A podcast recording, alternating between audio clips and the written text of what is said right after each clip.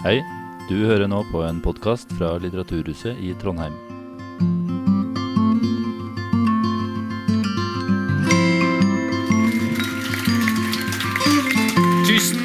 Takk for det. Utrolig hyggelig å se dere alle her i dag. Kjempemasse folk. Det er alltid gøy. Mitt navn er altså Jo Skårderud. Jeg er journalist i avisa Klassekampen. og Jeg skal lede oss gjennom denne samtalen om kunstig intelligens, som skal vare i akkurat 45 minutter. Inga har et møte på Samfunnet som hun må løpe til. liksom løpe herfra til drosjen etterpå. Vi setter av noen få minutter mot slutten av denne samtalen til spørsmål fra dere. Det er korte, ekstremt konsise spørsmål, og ikke partsinnlegg eller opplesing av doktorgrad eller noe sånt noe. Bare så det er sagt med en gang. Um, men det er jo sånn at få tema har den der evnen til å fascinere, begeistre og skremme livskiten ut av oss uh, som det kunstig intelligens har. Uh, og jeg har utrolig mange spørsmål. Dere har antagelig veldig mange spørsmål.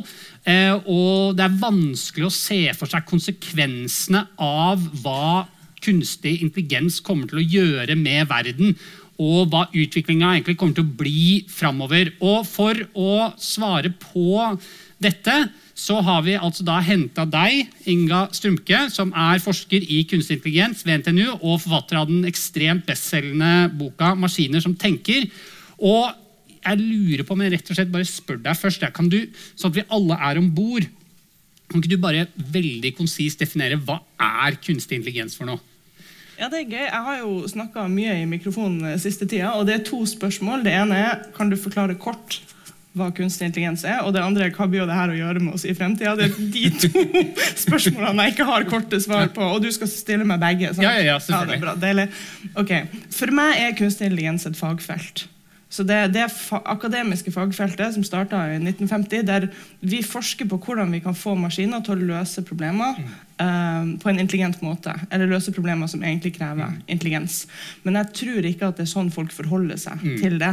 I dagligtalen har det blitt noe litt mm. mindre konkret. Altså Noen tenker på kunstig intelligens som roboter, noen tenker på ChatGPT. EU ser på det som en samlebetegnelse.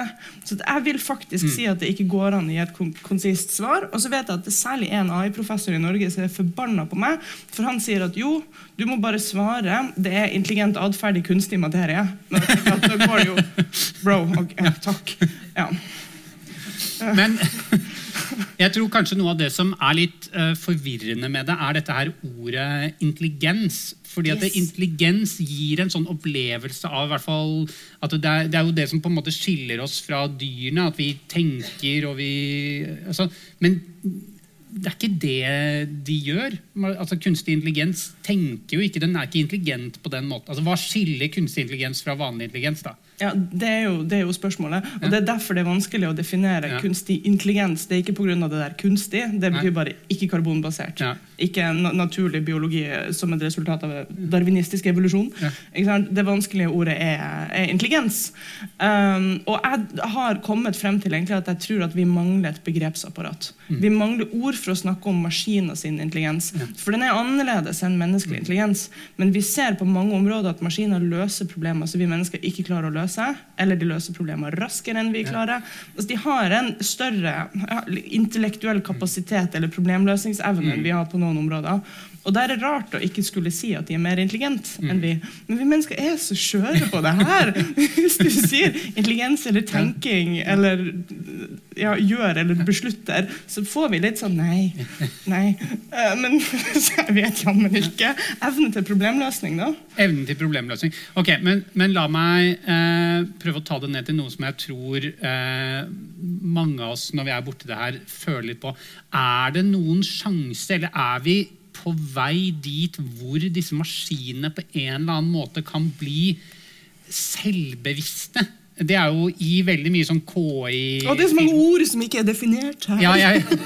Men ikke sant at, det, at, at maskinen får følelser, og at den uh, uh, altså er vi, er, vi vei, uh, er vi, på vei, dit? Ja, Både bevissthet og følelser er jo igjen da begrep som vi har et sånt ja. dagligdags forhold til, ja. men som ikke er veldefinert. Ja. Og jeg prøver ikke å være kranglete her nå, men hvis du spør ikke sant, finnes det vann på Mars, så er det enkelt for meg å si finnes det de her molekylene på Mars. Mm. Ikke, sant? ikke finnes det en våt greie på Mars. Så bevissthet og følelser har vi faktisk ikke vitenskapelige mm. definisjoner på. Så vi vil ikke klare å måle når det oppstår i maskiner, med mindre vi greier å definere det.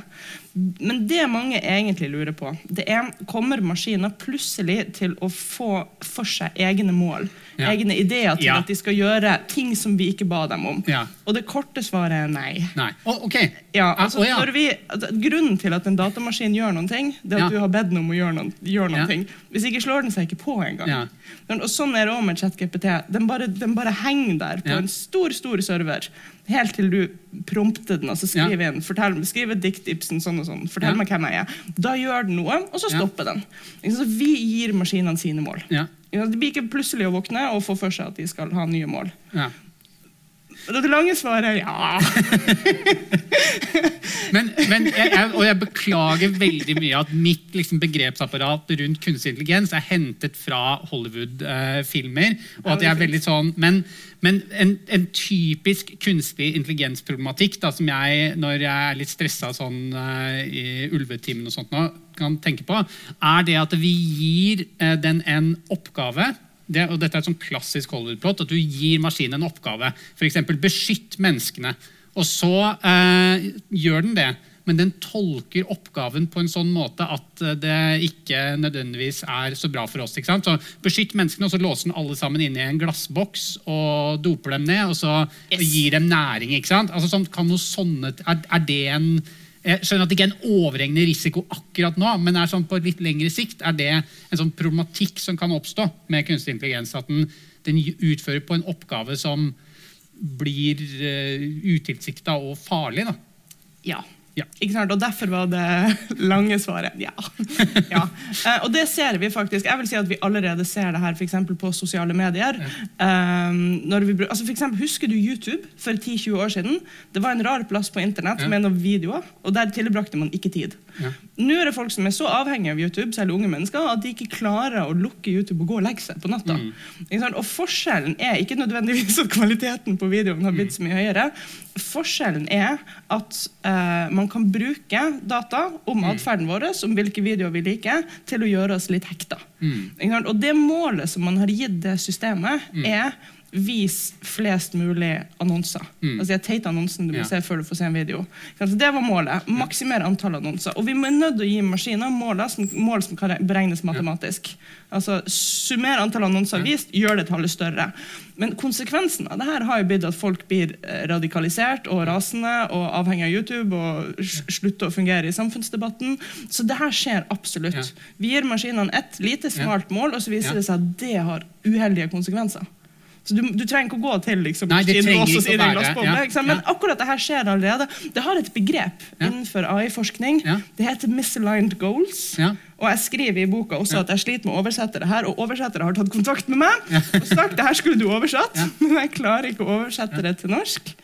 For greia med alignment da, det at Hvis to, uh, to hensikter, to mål, for ja. eksempel, er aligned, altså ja. passer godt sammen passer to, mål, to, målsetninger passer godt med hverandre. Ja, for eksempel, Vis mange reklamer og liksom la samfunnet være en god plass å være. Ja. Hvis de to målene er aligned, så betyr det at de matcher hverandre her, men de peker også i samme retning. At de kommer til å fortsette å matche hverandre når masse tid har gått. Og misaligned det betyr da at de, at de ser altså de, de, ser ut som de matcher hverandre godt her, men hvis du går langt frem i tid, så er de ikke aligned. da. De, ja. De, ja, så de, de, går enten fra hverandre eller krysser hverandre en plass i fremtida. Og det er det vi ser med mange AI-systemer som ja. brukes i altså særlig sosiale, kommersielle settinger. Målet vis mange reklamer, og målet ha en god samfunnsdebatt er ikke aligned. Nei, det er ikke... De divergerer. Uh, få, få, å få folk til å bruke tid på tjenesten, som jo er en sånn sosiale medier-målsetning, er ikke nødvendigvis kompatibelt med et godt liv eh, for Ja, eller en god samfunnsdebatt. God samfunnsdebatt eller, ja. Nei, jeg skjønner. Kjempe, kjempefascinerende. Men, men, kan vi kanskje da, siden vi er litt sånn inne på de vanskelige sidene nå, så kan vi ta litt de vanskelige sidene før vi snakker om de positive sidene først. Fordi da, altså, Hva ser du som de største risikoene med KI, de største utfordringene i samfunnet i dag? Vi trenger ikke å se 30 år fram og liksom Terminator-greier, men mer sånn her og nå og de, den nære framtiden. Hva er de største utfordringene du ser med KI? Altså, vi hadde en regjering i Nederland som måtte gå av ja. pga. kunstig intelligens. Um, der skulle de veldig kort fortalt uh, finne ut hvem som uh, snylte på trygda. Ja. Så laga de et databasert system, brukte mm. maskinlæring til å skulle flagge risikoen til at noen var trygdesnyltere. Ja. Så viste det seg at det systemet var gjennomført rasistisk. Ikke fordi datamaskiner er rasistiske, nei, nei, nei, men fordi at dataene som beskriver samfunnet, har en hel del uh, det som fordommene våre baserer på. Uh, inni seg. Allerede nå så ser vi det at hvis vi bruker kunstig intelligens, særlig databasert kunstig mm. intelligens, så er det kjempe, kjempevanskelig å ikke eh, forsterke de fordommene. Ja. Uh, den forskjellsbehandlinga ja. som vi har på etnisitet, ja. kjønn, alder, i det hele tatt, med oss fra fortida. Mm. Det er de bekymringene som jeg har i mye større grad enn at nå kommer Terminator og drapsdronene. Det at vi automatiserer prosesser, det forsterker uheldig ja. atferd. Og vi merker det ikke før det er for seint. Altså det, det, er ganske ille når en regjering går av. Da har det skjedd i stor skala, og mange menneskeliv har blitt ødelagt. Nå skal det sies at Vi har diskriminert basert på både alder og kjønn og etnisitet i mange ja. tusen år uten maskiner. Ja. Det her får vi til. Ja. Uh, men det, det, skjer på en annen måte som er vanskeligere for oss å, å forholde oss til, og det skalerer veldig veldig, veldig raskt når det er maskiner som gjør det. Men eh, jeg vil bare gå inn i litt sånne disse um, Vi har jo disse amerikanske tekstselskapene som jo er veldig sånn langt framme i å bruke kunstig intelligens og, og disse algoritmene. Eh, og, og f.eks. en ting som eh, skremte meg, eh, eller hvor, hvor, jeg tenkte sånn Ok, her er det et eller annet potensial for at ting kan bli farlig. Det var at f.eks. Facebook de hadde fått mye kritikk for at eh, Facebook bidro til polarisering og krangling og et dårligere samfunn. Så for å gjenopprette renommeet sitt så begynte Facebook å gi algoritmen sosiale målsettinger. Så den skulle få liksom sånn, Den skulle booste positive verdier og få folk til å gi mer penger og, og uh, være med, at folk skulle være mer for uh, eh, LHGBTQ pluss rettigheter og liksom alle gode ting. Men det var jo Mark Zuckerberg og Facebook som satt og liksom putta inn hva som var bra, og så jobba algoritmen. Altså, Er ikke det er ikke det tankekontroll og dystopi? Altså, er, ikke det, er ikke det dritskummelt? Jo, og det som er det skumle her, det er at mennesker er i utgangspunktet veldig lette å manipulere. Ja. Vi er veldig sosiale dyr. Det går nesten ikke an å se for seg et menneske og lure på hvordan mennesket vil oppføre seg ja. i isolasjon. Ja. Det, vi, vi, er jo et resultat av altså det vi opplever og det vi reagerer på. Og nå lever vi digitale liv da, og Enten så kommer vi til å bli påvirka av tilfeldighetsting, eller så kommer vi til å bli påvirka av ting som noen har bestemt. Mm. Og de noen akkurat nå er uh, store amerikanske og kinesiske. altså ja. TikTok er jo kinesiske ja, selskaper, og de er ikke demokratisk styrt. Nei. Så Det er også en bekymring jeg har. Um, og nå har jo faktisk de her selskapene blitt så store at til og med USA, altså markedskapitalisthovedstaden, ja. vurderer å bryte dem opp. Da har det gått ganske langt. Men fordi det, det, det, her er kjempeinteressant, for jeg jobber jo i en veldig sånn gammeldags avis. altså sånn Vi skriver det, og så publiserer vi, vi, vi trykker det til og med på papir og leverer det på, eh, på døra til folk. Eh, men, men, blant folk under 30 nå, så jo, har de, jo, de har jo knapt sett en uh, papiravis. Og de leser jo nei, de le, og de leser ikke sammenhengende lange nyhetstekster. De får i økende grad, og dette vet vi for vi har snakka med dem om det, de får, det, de får nyhetsinformasjonen sin oppdatering av samfunnet, via en app som TikTok som leverer de sånne små doser. Og det er 100% styrt av algoritmen hva de får. Så mm. er de på en måte allerede de ungdommen i dag, de som bare får nyhetene sine via time etter time på TikTok, er de allerede i algoritmens vold? på en måte? De, eh, har vi mista dem til Matrix? Kan jeg få si to ting? Ja. Det ene det er et godt, men ubekrefta rykte, dessverre ubekrefta, at TikTok, som jo er kinesisk eid, ja. visstnok gir eh, kinesiske ungdommer eh, spennende, men informativt innhold. Ja. Så Der er det mye vitenskap, og sånn fungerer det, og her historie i det hele tatt. Mens europeisk og vestlig ungdom får bare piss. Eh, altså, sånn, bare dansevideoer og distraksjon og liksom bare kødd. Eh, og faktisk innhold som jo kan bidra til å destabilisere demokratiet, for at det er så polariserende. Så det er sånn litt gøy, men mest skummelt. Um, og det andre er at det, her, um, det at du kan få tilpassa innholdet til, altså til akkurat det, det, formatet, og egentlig faktisk mm. også det innholdet som du har lyst på, det tenker jeg at det, det, er liksom en mynt med to sider. da. Altså det ene er jo at det er bra at vi kan få innhold tilpassa til vår foretrukne måte å ta mm. det inn over oss på. Fordi Det kan gjøre at vi blir mer åpne for informasjon, mm. og at vi får lettere for å ta inn over mm. oss informasjon. Så personlig tilpasning er ikke liksom um, en grunnleggende ond ting. Nei, nei. Det som er dumt, da, det er at det her blir fort en sånn, en sånn rutsjebane til, ja. til sånn ukritisk konsum, ja. der vi egentlig bare får bekrefta fordommene våre mm. og, og, lager sånne bobler der ja. vi liksom kun, kun, får informasjon som bekrefter synet vårt.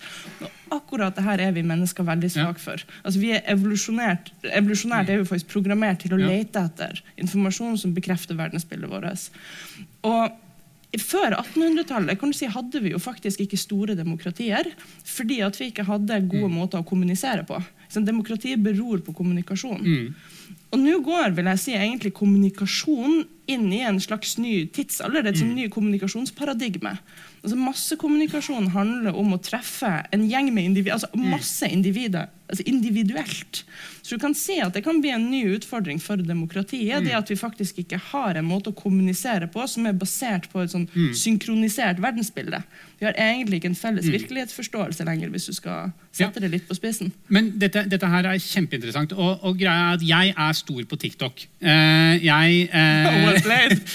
Skål for det. Skål for men, jo, altså, men jeg, har aktivt, jeg, har aktivt, gått inn, jeg aktivt gått inn uh, der fordi, nettopp fordi jeg ser at ingen av dem leser, leser det jeg skriver i avisa. For å skjønne liksom, hvordan skal vi nå dem i framtida. Og hvis dette her, altså hvis vi ikke gjør noe med det her, så, tror jeg at demokratiet kommer til å dø på TikTok. Altså fordi Hvis det er der, det er der unge, der, der, folk skal få informasjonen sin fra. Fordi den, eh, den, belønner polarisering, og den belønner på en måte sterke følelser og, og harde brytninger. Mens alt eh, som er sånn der på den ene siden på den andre siden, det bare det, det, det dør. Men er det noe man kan eh, styre? Går det an å bare si sånn til algoritmen, uh, kunstig intelligensen, si sånn ja, men Finn en gyllen middelvei, belønn, belønn moderate og demokratiske ting? Altså, absolutt. Ja.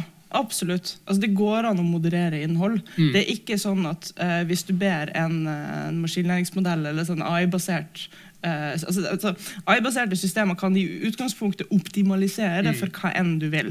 Det er det som er greia mm. med dem. De bruker data og informasjon til mm. å optimalisere et eller annet mm. som du definerer på forhånd. Så det er ikke sånn at hvis du bruker AI, da blir det polarisering. Nei. Sånn er det ikke. Men Nei. hvis du polariserer, da blir det penger. Ja. Sånn er det dessverre. Ja. Så det her er ikke et problem med, uh, med teknologien. Jeg vil jo Uh, gå, jeg er alltid være klein. Jeg vil gå så langt som å si at det her er faktisk egentlig et problem med, uh, med, den økonomiske modellen vår. Ok, Det er jo interessant. Ja, så, um, og jeg tenker det her blir enda mer spennende med tanke på at vi har et supervalgår mm. uh, nå foran oss. Aldri i menneskets mm. historie har så mange mennesker stemt som kommer til å gå til demokratiske valg til neste år. Mm. 2024, det blir spennende. For det ene er det her med persontilpassa uh, inf informasjonstilbud.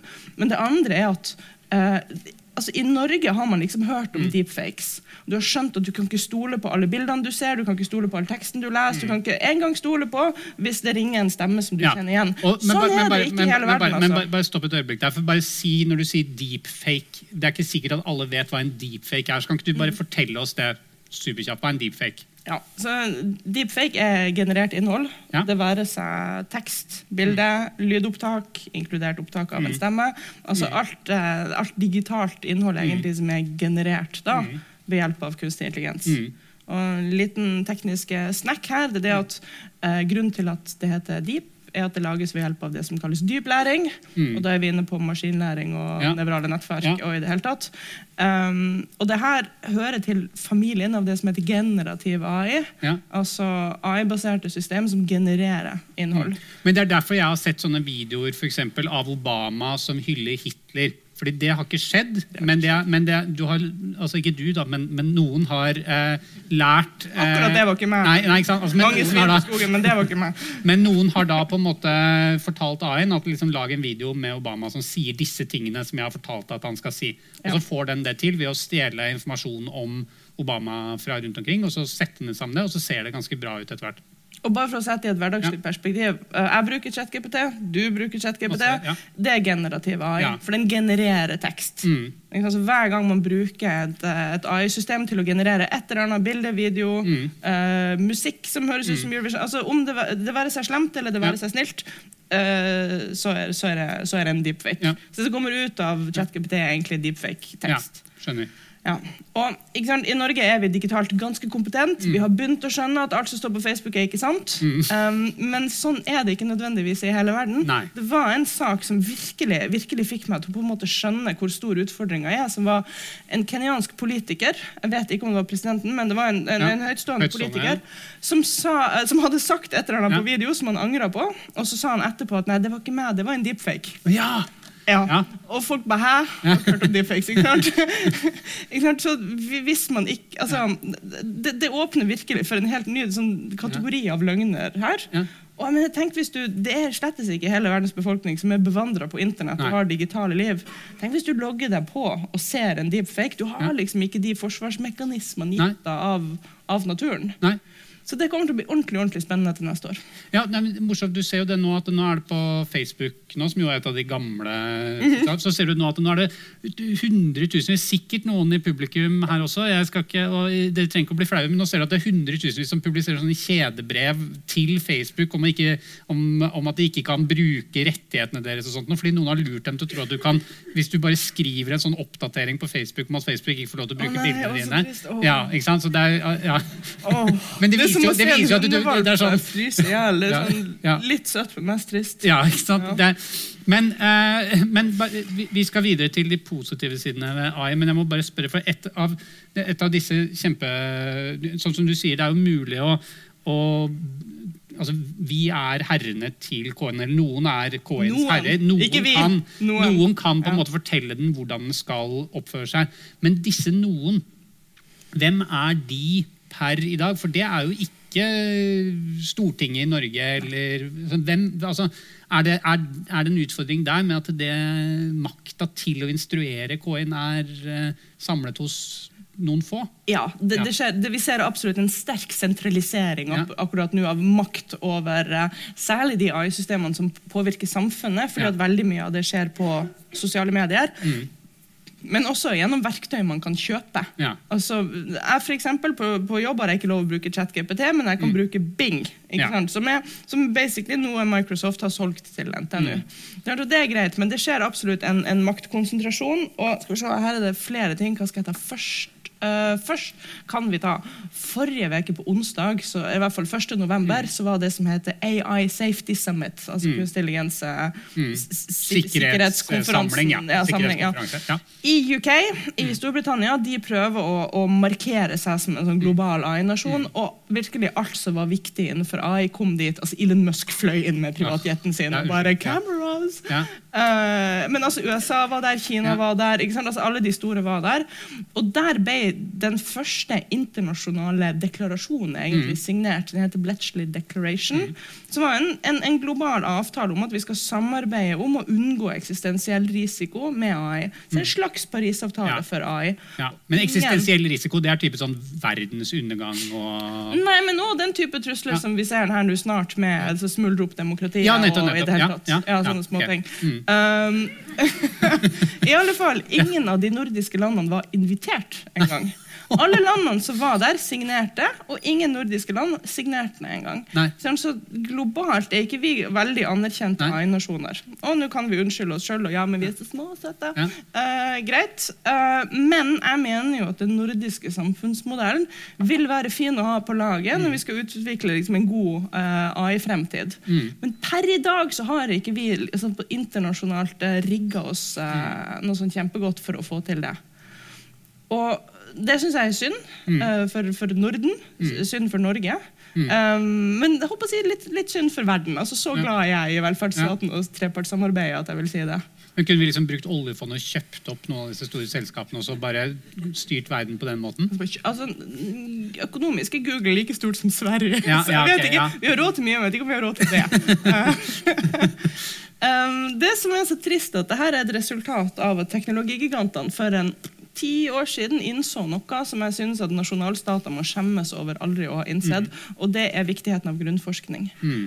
Den kommersielle verdien de her selskapene har i dag, mm. er et resultat av grunnforskning. Mm. De ansatte forskere som bare hadde lyst til å forske og bare var mm. nysgjerrige, uh, til å bare få lov til å følge sin, sin akademiske nysgjerrighet i mange år. Og et resultat av det er at de har laga de kraftigste AI-systemene i hele verden. Ja, og nå, og nå er de AI-systemene blitt så kraftige så vellykka at de får enorm betydning og, og står for informasjonen til så å si alle under 30 i, i egentlig hele den demokratiske verden. Ja.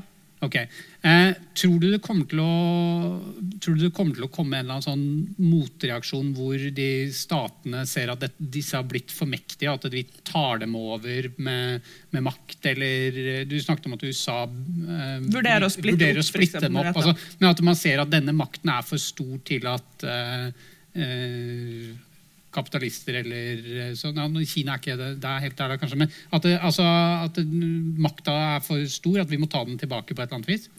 Ja, Du kan både si at det er ikke bra for den frie markedskonkurransen, som jo er liksom vår religion i Vesten. Mm. Uh, så er det ikke bra å ha så store aktører, for det er umulig å konkurrere mot dem. Det som skjer hvis du har en vellykka AI-startup, det er at den blir kjøpt opp mm. av en av dem. Så Det går ja. nesten ikke an å konkurrere med dem lenger, med mindre du har, har sånn gründer med mm. lommeboka til liksom, mm. Elon Musk eller Jeff ja, Nå er jo Målet for mange aktører er jo på en måte å komme til et punkt hvor du blir kjøpt opp. ja, Det er det nye målet. Ja, ja, det nye målet er ikke lenger å lage et selskap. Du ser i TV-serier og sånt nå, at det er sånn der, yes, Der fikk jeg liksom... Der ble jeg kjøpt opp. Ja, der ble jeg kjøpt opp. Ja, det er trist. Um, og det andre er jo det her med at de er, de er enorme samfunnsaktører, og de er ikke demokratisk styrt. Nei. Så både for markedet og for uh, altså politisk er de et problem. Um, men uh, ok, nå går vi over i fri spekulasjon her. Men vi ser at de har budsjettposter til eh, lobbyvirksomhet større enn det vi noen gang har sett maken til før. Jeg måtte grave opp noen tall. de står i boka. Altså, Så mye lobbyvirksomhet som Big Tech eh, brukte bare i EU, det overgikk både lobbyvirksomheten innenfor petroleum og farmasi med liksom sånn, sånn, sånn, sånn enorme faktorer. Så det tech-industrielle komplekset, liksom, altså, det, de er en kjempe maktfaktor. De er en enorm maktfaktor, ja. Og nå springer jo eh, CEO-ene, altså lederne ja. i de her uh, tech-gigantene rundt i USA og sier å, vi trenger regulering, og vær så snill å regulere oss. Ja. EU holder jo på å skrive verdens første AI-regulering, ja. og den vannes altså ut for hver dag som går pga. lobbyvirksomhet fra de her. da. Så det er en sånn maktkamp som foregår, som jeg mener vi aldri har sett maken til. Men, men, har ikke du tatt til orde for at vi skal inn i EU for at vi skal kunne være med å påvirke denne KI-politikken til EU? Eller er, en, eller er det et stygt rykte som noen bare... Er det, er det et rykte? Ja, ja. ja. Nei, er det de sier bak ryggen din? Altså, Jeg prøver jo å være Nå så jeg skjønner at liksom, folk uh, får med seg hva jeg sier, så prøver jeg å være politisk så nøytral og uleselig ja. som det bare går. For ja. det, liksom, det er ikke poenget mitt. Nei. Men når jeg går rundt og bare ja. Ned med kapitalismen, så er det kanskje lett å skjønne. Men jeg mener at det uh, innenfor teknologipolitikk så har ikke noen europeiske nubbsjans uten EU. Nei. Ja, vi, må, være, vi, må være sterke. det er det som er poenget. Vi må være litt sånn sterke sammen, ja. ja. Så Ut fra kun et teknologiperspektiv så skulle vi kanskje vært med i EU. Men liksom laks og olje og alle de her kablene og alt det der har ikke jeg peiling nei, på. Nei. Så noe sånn EU ja eller nei har ikke jeg lyst nei, nei, nei, det, var ikke meningen det var ikke meningen å gjøre dette til en EU-debatt, men, det var, eh, men, men dette er jo ja, dette er kjempe, kjempeinteressant, men uh, nå føler jeg kanskje at jeg gir AI en litt sånn dårlig, dårlig greie. For nå, jo, nå, nå høres det ut som AI liksom bare er et uh, Og det er min feil, altså, men at AI bare er et demokratisk problem som er i ferd med å ødelegge demokratiet, og spesielt ungene våre. da, Og at de er tapt allerede. De, ikke sant? Så, men, uh, men det, det, er vel noen positive sider her òg. Altså, sånn, hvor er de store mulighetene? Eh, det store potensialet i AI. Hvordan kan dette forandre verden vår til det bedre? Ja, og det som er fint, da, det er at mulighetene er absolutt overalt. Ja. fordi denne teknologien er sektornøytral. altså, Eh, det, ok, Nå må vi snevre det litt inn, men la oss se på maskinlæring. da. Mm. Så Maskinlæring gjør vi når vi har massevis av data som beskriver mm. et eller annet fra den virkelige verden, og så mm. har vi et eller annet mål. Og Så kan den finne den optimale veien til det målet basert på dataene. Og Det spiller ingen trille om de dataene kommer fra velferdsstaten, mm. eller om de kommer fra liksom, skipsruter, mm. om de kommer fra hvordan elever lærer best, eller hvordan bysykler burde deles ut. Eller antibiotika, eller mm. liksom kreftgåten. Altså, det spiller ingen rolle hvor dataene kommer fra. Så i utgangspunktet kan vi bruke maskinlæring til å optimalisere oss til løsninger på et hvilket som helst problem. Det er gode nyheter. Mm. Men så spørsmålet er bare hvor har vi lyst til å bruke det her. Ja. Og det har jo faktisk vært sagt at Antibiotikaresistens kan bli en trussel på mm. nivå med klimakrisen. Altså det ville være, Om vi ikke har fungerende antibiotika, mm. så, så, kan det faktisk omtrent utrydde store mm. deler av verdens befolkning. Før tok det en 10-15 år å finne nye former for antibiotika. De siste par årene så har det tatt to-tre år mm. å finne nye former for antibiotika fordi man har brukt kunstig intelligens. Ja. Maskinlæring. Ja. Se på de eh, molekylene, ja. se på de bakteriene her, lag nye antibiotika. Så teknologiutvikling på, både med, men på alle mulige områder egentlig, kan eh, bli avsindig speeda opp av, uh, av AI, rett og slett? da? Ja da, og fremtidig vaksineutvikling kommer til å gå mye raskere. Altså Når vi får gleden av neste pandemi, så kommer vaksineutviklinga til, å, til å altså, ta en fjerdedel så lang tid. Så på absolutt alle områder hvor du har et problem og har data som beskriver problemet, så kan du finne en bedre løsning. da.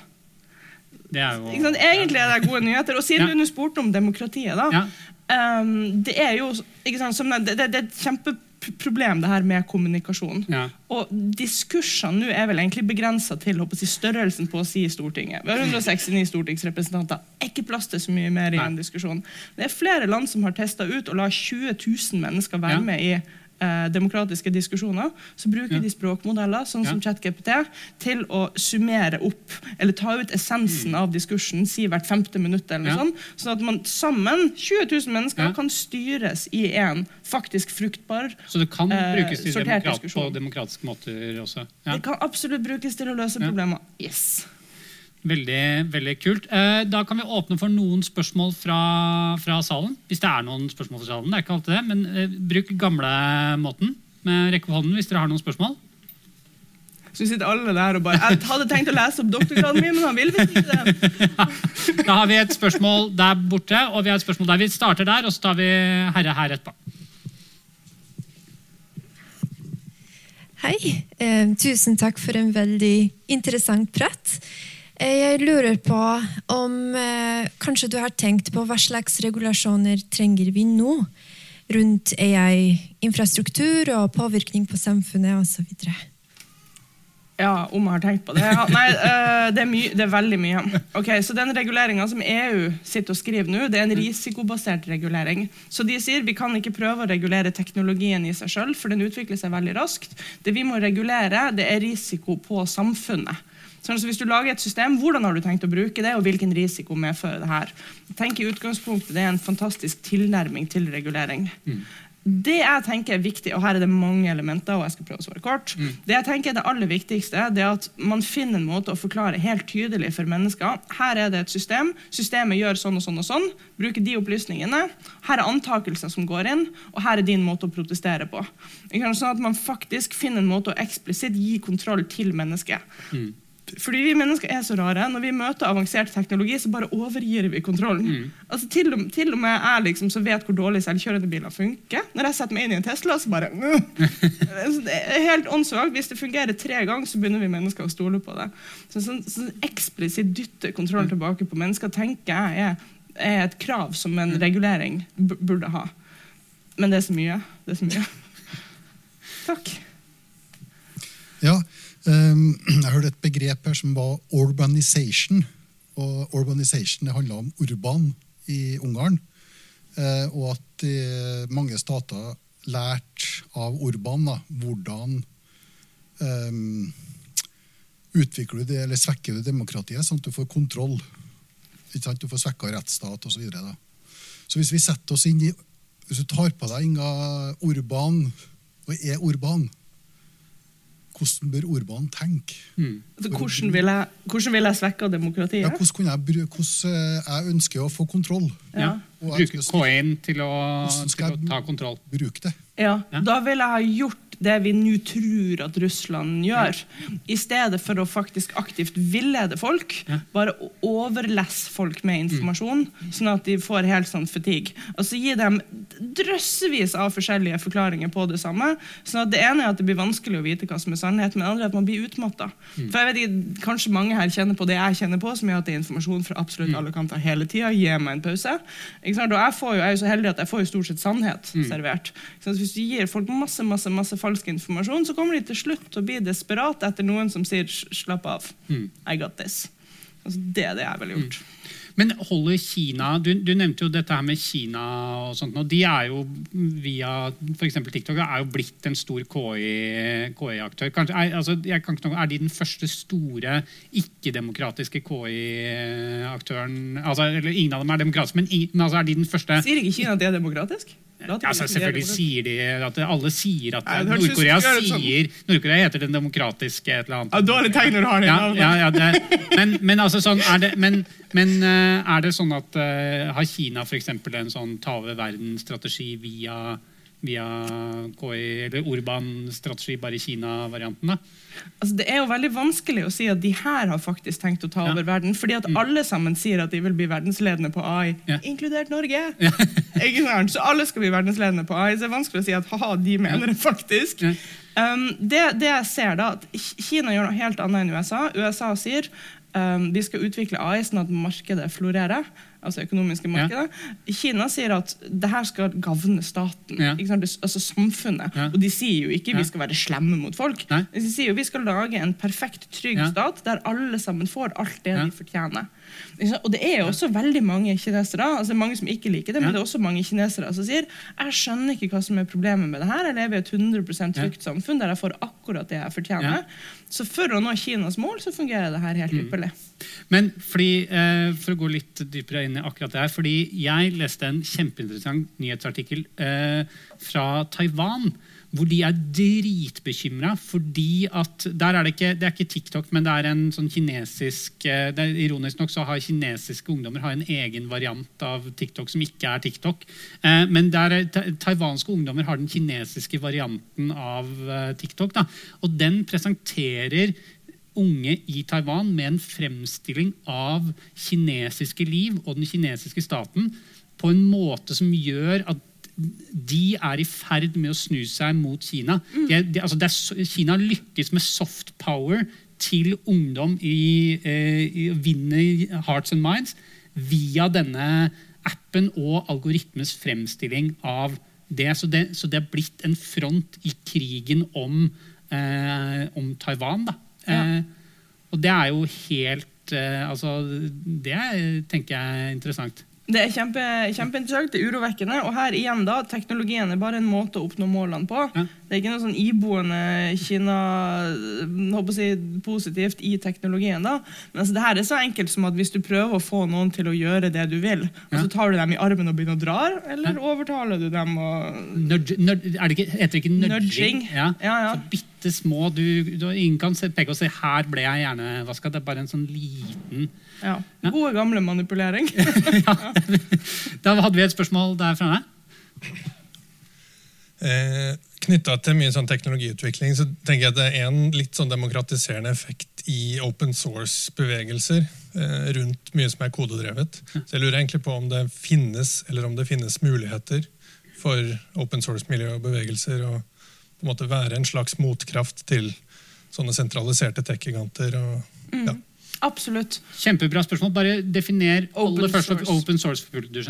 Ja, ja. Det open source Greia med det da er du skriver et program, og så tar du kildekoden, altså programkoden som gjør at programmet funker, i det hele tatt, og så legger du det ut på internett på en sånn måte at andre får tilgang og kan også bidra til det.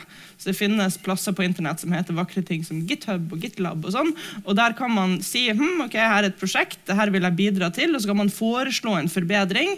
Og så oppstår det egentlig et helt sånn samfunn der man godkjenner hverandre sine forbedringer. Og hele operativsystemet flyr basert på det her, så det er vakkert.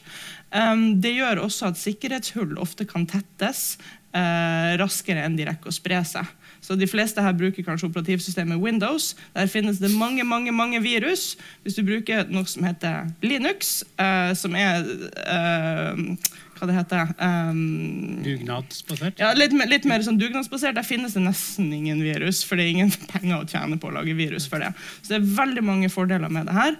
Uh, og man ser også noen prosjekter som blir store på denne måten. F.eks. Uh, det som i 2017-18 var verdens sterkeste sjakkmodell, heter AlphaZero. Så det var en sjakkcomputer basert på maskinlæring. Den hadde lært seg å spille sjakk ved å spille mot seg sjøl. På 24 timer ble den bedre enn Stockfish. uh, den ble laga av Google sin avdeling DeepMind, men de la den ikke ut. Så siden det har det oppstått et sånn open source-initiativ som har laga noe som heter Lila Zero, som er like smart som Alpha Zero, men der liksom hele verden kan gå sammen om å bygge opp den her. Um, Utfordringa med det her er at vi ser nå at for å lage de virkelig store modellene, sånn som GPT4 i ChatGPT, krever så mye regnekraft. Mm. altså Vi snakker, ja. snakker, et lite statsbudsjett. Ja, at selv om alle verdens laptoper ja. liksom, tenker på natta kan jeg kjøre det her, så er det vanskelig å nå opp. Ja, fordi de må, bli, de må bli så store, store i rett og slett datakraft. Ja. Ja. Og så er det det at altså, Verdens største forskermiljø er ikke lenger mm. på universitetene. Mm. De er hos Google og IBM og Microsoft. Altså det at folk sitter på fritida og, og putler med det her, det er, altså, det, det, er, kraftig nok til å lage hele operativsystem. men ikke til å konkurrere ja. med tech-gigantene. Så jeg har også trua på open source-bevegelsen, men jeg tror på en måte ikke det blir å redde verden alene. Eh, men godt spørsmål, absolutt. Ja, vi, kjempeinteressant. Men vi skal ikke gjøre dette til en klima, klimadebatt. Men, bare, men fordi, Nei, vi holder oss på EU-debatten. men, men, det er blitt så stort at nå er det de bruker mm. kraft sånn at det begynner å merkes i klimabudsjetter og sånt nå, er det ikke det? Fordi det leste jeg rundt dette å utvide chat til chat 4 og når det skulle videre til 5 og 6 og sånt nå, at det var sånn, ja, men da begynner det å kreve så mye datakraft og så mye mm. kraft rett og slett, at det begynner å bli problematisk. Så hvilke størrelser er det vi snakker om her? Og hvorfor, hvorfor det, krever det masse kraft? Ja, det er helt heidundrende. Altså, ok, Nå blir det litt teknisk, her, da, men det som skjer når man gjør maskinlæring, det er at man tilpasser en masse parametere, altså masse tall. Man få riktig verdi for at hele det store nevrale nettverket hele modellen, skal kunne utføre oppgaven sin riktig. I gratisversjonen i ChatGPT eh, så er det en språkmodell som heter GPT 3,5. Mm. Den er liksom liten. Det er den, det er den jeg bruker. Det er den, den, den ja. du bruker, ja. Uh, den består av 175 milliarder parametere, altså tilpassede parametere. Mm. For, at akkurat, for at alle de her tallene 175 milliarder, det er ganske mange tall, ja. for at alle de skulle få akkurat riktig verdi, Eh, så trengte man regnekraft som, som, svarte til et karbonavtrykk på en 60-70 levde menneskeliv i Vesten. Ja. Med all kjøttet vi spiser, ja, ja. alle flyterne vi tar, 60-70 levde menneskeliv på å tilpasse alle de her parametrene. Og det er den lille GPT 3,5. Så kommer det større modeller oppå der igjen. Så Norge har, har, ikke regnekraft nok til å lage Nei. seg f.eks. en GPT4. Nei, vi har ikke det. Okay, Nei, så, det såpass, så, det er en, en utfordring. Eh, ja, ja, altså Det er bare for å liksom skjønne hvor store ja. de her ressursene er. da. Altså Vi, vi tenker på liksom alt det her foregår ja. i skyen. og i Det hele tatt. Det foregår på regnesenteret, som veldig ofte er dieseldrevet. ja. Eh, vi nærmer oss dessverre slutten, men eh, jeg vil eh, avslutte med litt sånn konkret sånn KI-politikk. fordi du har jo eh, vært en veldig sånn ivrig pådriver for at Norge og, og EU og hele verden og sånt, skal ha en KI-politikk. Men helt sånn konkret nå mens du har publikum her. Hva bør Norges KI-politikk gå ut på? Og, ja. det går jo ikke an å svare kort på det. Nei, okay, men, men du, har, du, har, to minutter, da. Så det, ja. skvis inn det du får i. Ok, igjen da, Jeg liker EU sin tilnærming. for ja. at Mens USA er markedssentrisk, mm. Kina er, er statssentrisk, ja. så er EU sin tilnærming menneskesentrisk.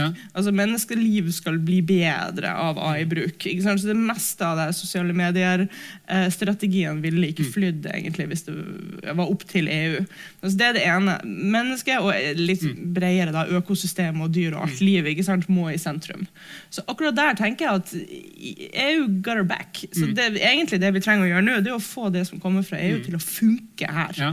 Det forrige vi fikk fra EU, uh, var GDPR, personvernforordninga. Ja. Den har vi ikke helt fått til å funke for oss. Her har det blitt en innovasjonsbrems for at ja. vi sliter med å tolke reguleringa.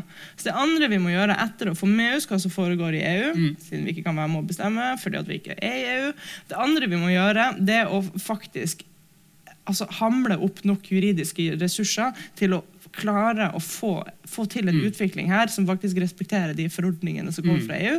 Og det er noen avklaringer vi er nødt til å gjøre sjøl. F.eks. Mm. åndsverk kommer ikke EU til å fikse for oss. At norske forfattere er forbanna for at deres åndsverk brukes til å trene opp store språkmodeller, det må vi fikse. Der har EU sagt at copyright, det fikser ikke vi.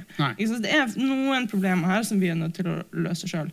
Men ja men er vi, er vi, i gang? For jeg, jeg, nevnte, jeg gratulerte deg før samtalen med at du, som jeg sa, du har fått en milliard kroner. Gratulerer. Ja, men, altså, det så vel. men vi har men altså det Det er satt av en milliard kroner til AI-forskning, ja. ja. ja. Det, er AI-forskning. Det, det, er ikke det samme. Det er ikke det jeg snakker om i det hele tatt. Nei. Det er Kunnskapsdepartementet som skal gi til Forskningsrådet, og det ja. skal forskes.